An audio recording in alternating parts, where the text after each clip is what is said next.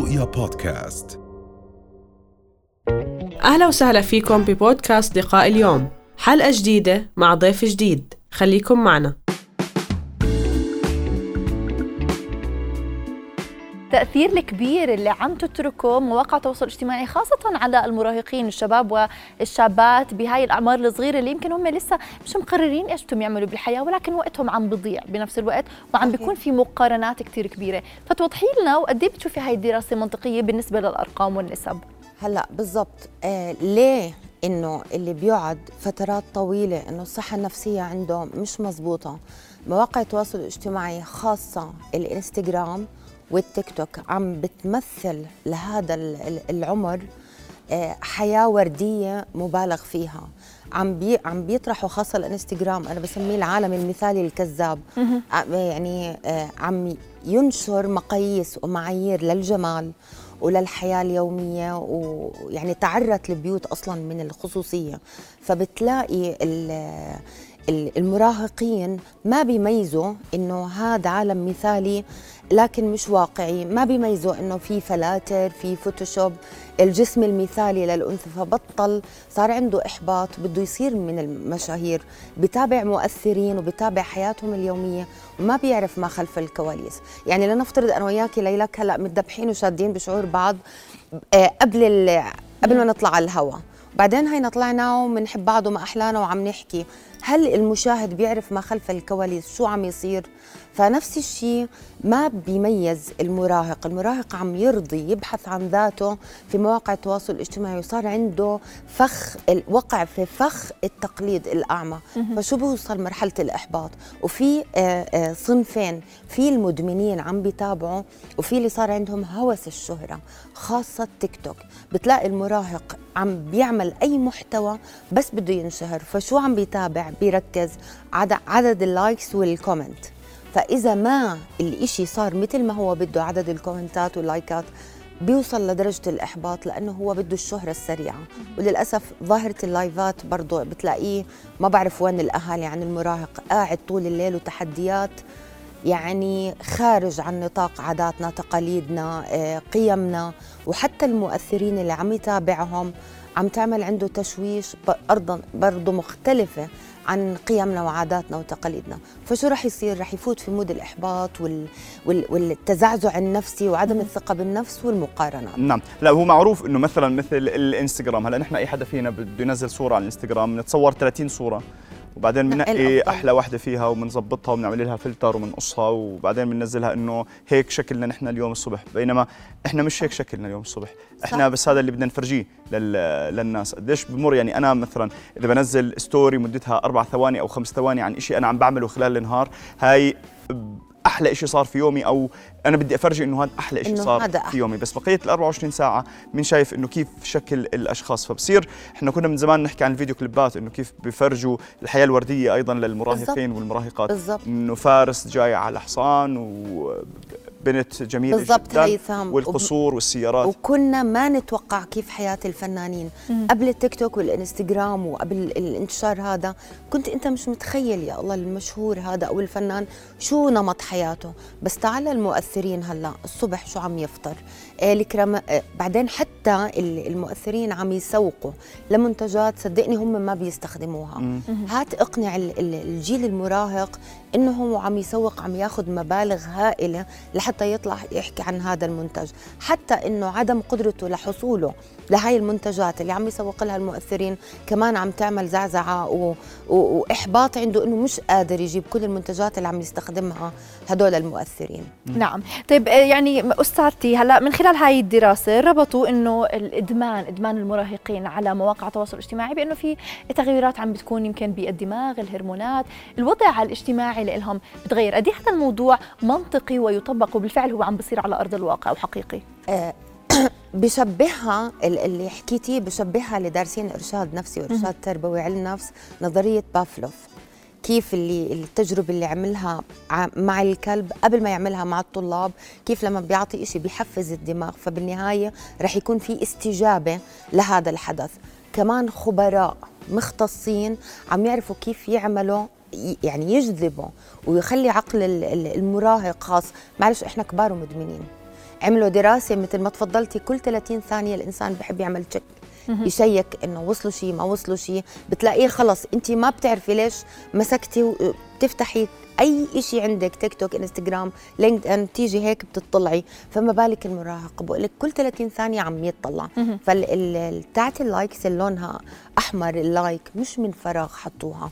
الرنة اللي بتوصلك من الإشعارات والمسجات كمان هاي بترتبط بالدماغ. شو بيعمل المراهق لما بيتفرج؟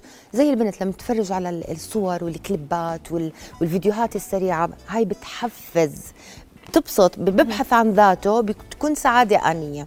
شو بتعمل؟ بتحفز الهرمون السعادة في الدماغ إنه يفرزها بشكل أكبر. وكل ما فرزها بشكل أكبر بصير يدمن بشكل أكثر لحتى يرضي ذاته بالعالم الواقعي. نعم. وممكن تلاقي عنده آلاف الأصدقاء بالعالم الافتراضي لكن بالواقع هو عم بعيش بعزلة وعم بعيش خلف شاشتة سواء آيباد طب شو سبب شو السبب مثلا بشكل خاص إنه الأشخاص صاروا يحبوا يفرجوا معظم آه، نواحي حياتهم؟ يعني مثلا أنا إحنا طالعين على عشاء مثلا فأنا بصور ندور كل الأكل. طالعين سفرة فتلاقي ناس معنا في السفرة من يعني من أول ما طلعنا من البيت لبين ما ما روحنا. شو السبب بيخلي الناس إنه بدهم يفرجوا إنهم عايشين هاي الحياة؟ للأسف ما هي هاي ظاهرة العصر.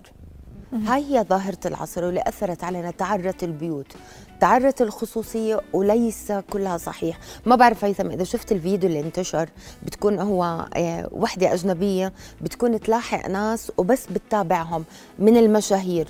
لما بتروح بتصدفهم في مطعم كتير واو وبتسمع نقاشهم في برندا هم عشان يورجوك إنه قد إيه هاي الحياة والواقع كذاب. مثل المثل لما قلت لك أنا وياك دقينا بشعور بعض الناس ما عم تعرف شو بصير خلف الكواليس. مصر مصر على هذا مصر على هذا. مصر هذا الحكي. مصر على هذا المثل. بالضبط. فبالاخر بتسمع إنه السيارة مش له آه، الفستان نتش فهي مستعيريته. فتخيلي عم تستعيري الفستان اللي بتتصور فيه هي وزوجها. آه عم تطلب الطلاق بعد ما نزلت الصورة على الإنستغرام وكانوا عم يشوفوها وعرفوا بأي مطعم راحت ركض لأنها هي متابعة من هاي المشاهير. كلها حياة كذابة. انت عم تحكي عم بيوش عم ننشر حياتنا اليومية بس مش كل شيء بتشوفه صحيح.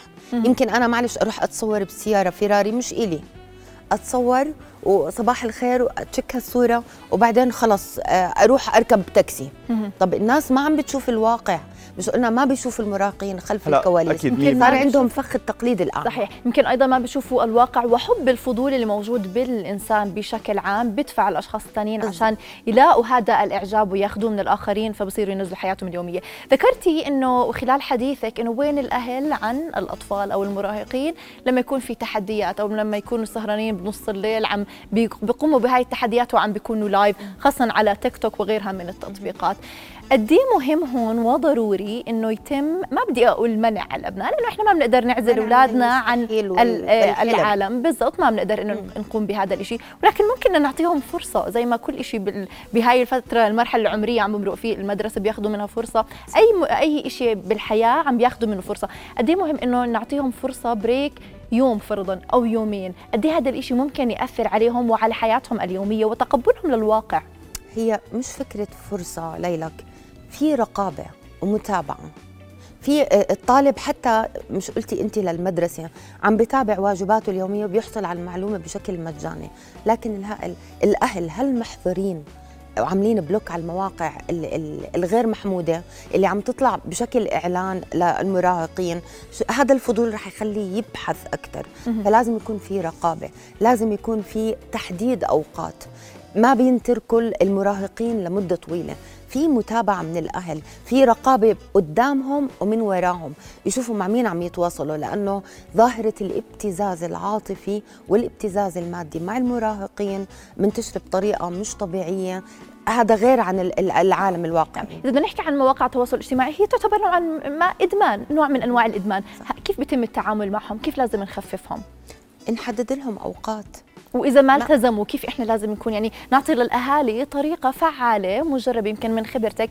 أكيد على دراية كيف لازم إحنا نقسط هل بالفعل إنه نكون عم بنساوم لأنه بنقول يعني في ممكن هذا أحد الأساليب المتبعة بين الآباء والأمهات. تساومي هذا الجيل صعب. بقول لك من المستحيل لأنه إحنا الكبار عم ندمن. أول شيء بحكي للأهل تابعوا حالكم. أنت مدمن يعني الأم 24 ساعة ماسكة الموبايل. ما بزبط تيجي تحكي لابنها ما تضلك على الموبايل الايباد على اللابتوب. ما بزبط ليلك. هل أنت معطيه ابنك الوقت للحوار الإيجابي؟ أنت مصاحبة اولادك عم تتحاوري وتتناقشي نقاش إيجابي معهم؟ عم بتخصصي وقت للعيلة؟ عم تخليهم تتابعي مهاراتهم هواياتهم؟ بدك تسجليهم نوادي وقت الدراسة ما في. هون باجي بقول لك لا. خليه يعني يعترض بدك تاخذي الآيباد بدك تاخذي كل شيء آه، بتخفي التكنولوجيا على وقت الدراسة. بتعطيه بتخصصي له وقت بتشعريه يعني اقعدي معاه ارجعي خليه يمسك. لكن لازم تعالج الإدمان بأي طريقة. بدك تعبي وقته. بعدين حتى ال ال ال الأم العاملة ما بزبط تغيبي انت روحتي فوق ما انت غايبة فترة بدك تعطيه وقت بدك تتابعي. هذا الجيل صعب نمسكه. مع التكنولوجيا صعب نمسكه. بده متابعة بطريقة ذكية. نعم. آه ذكرتي حضرتك شيء مهم إنه الأهل نفسهم ممكن يكون عندهم هاي المشاكل. بالزبط. إذا إحنا عندنا هاي المشكلة صعب إنه نعالجها عند أطفالنا. فبجوز يجب إنه كمان الأهالي يتفرجوا على حالهم ويحاولوا فعلا إنهم يعالجوا هاي المشاكل. مثل الأب المدخن. عند أنفسهم عند أنفسهم. وابنه مراهق عم الأب أو الأم آه كيف يشتغلوا على حالهم في هاي المنطقة؟ صحيح. فإذا سلوكيات الأب والأم اعرفي إنه التقليد رح يكون اهم آه لازم يوضحوا هاي النقطة إنه أنا اللي عم تشوفه مش واقعي. لازم يحددوا لازم اي اي في كثير مؤسسات مع الوضع الاقتصادي كثير مؤسسات بصراحة هلأ خاصة العطلة الصيفية كثير مؤسسات مجانية. روح شوف ابنك بحب الرسم بحب التيكواندو الموسيقى. سجل بهاي المؤسسات ابنك عم بيقضي وقت. إذا ما عنده وقت يقضيه بإشي مفيد يعني دائما أنا بعيدها العقل لا يقبل الفراغ. إذا أنت ما أشغلته بالنافع رح يشغلك بالضار نعم. نعم. إذا شكرا لوجودك معنا. يعني أكيد شرفتينا ونورتينا. وسام التالي مدرب التطوير. الذات أهلا وسهلا بحضرتك. أهلا رؤيا بودكاست.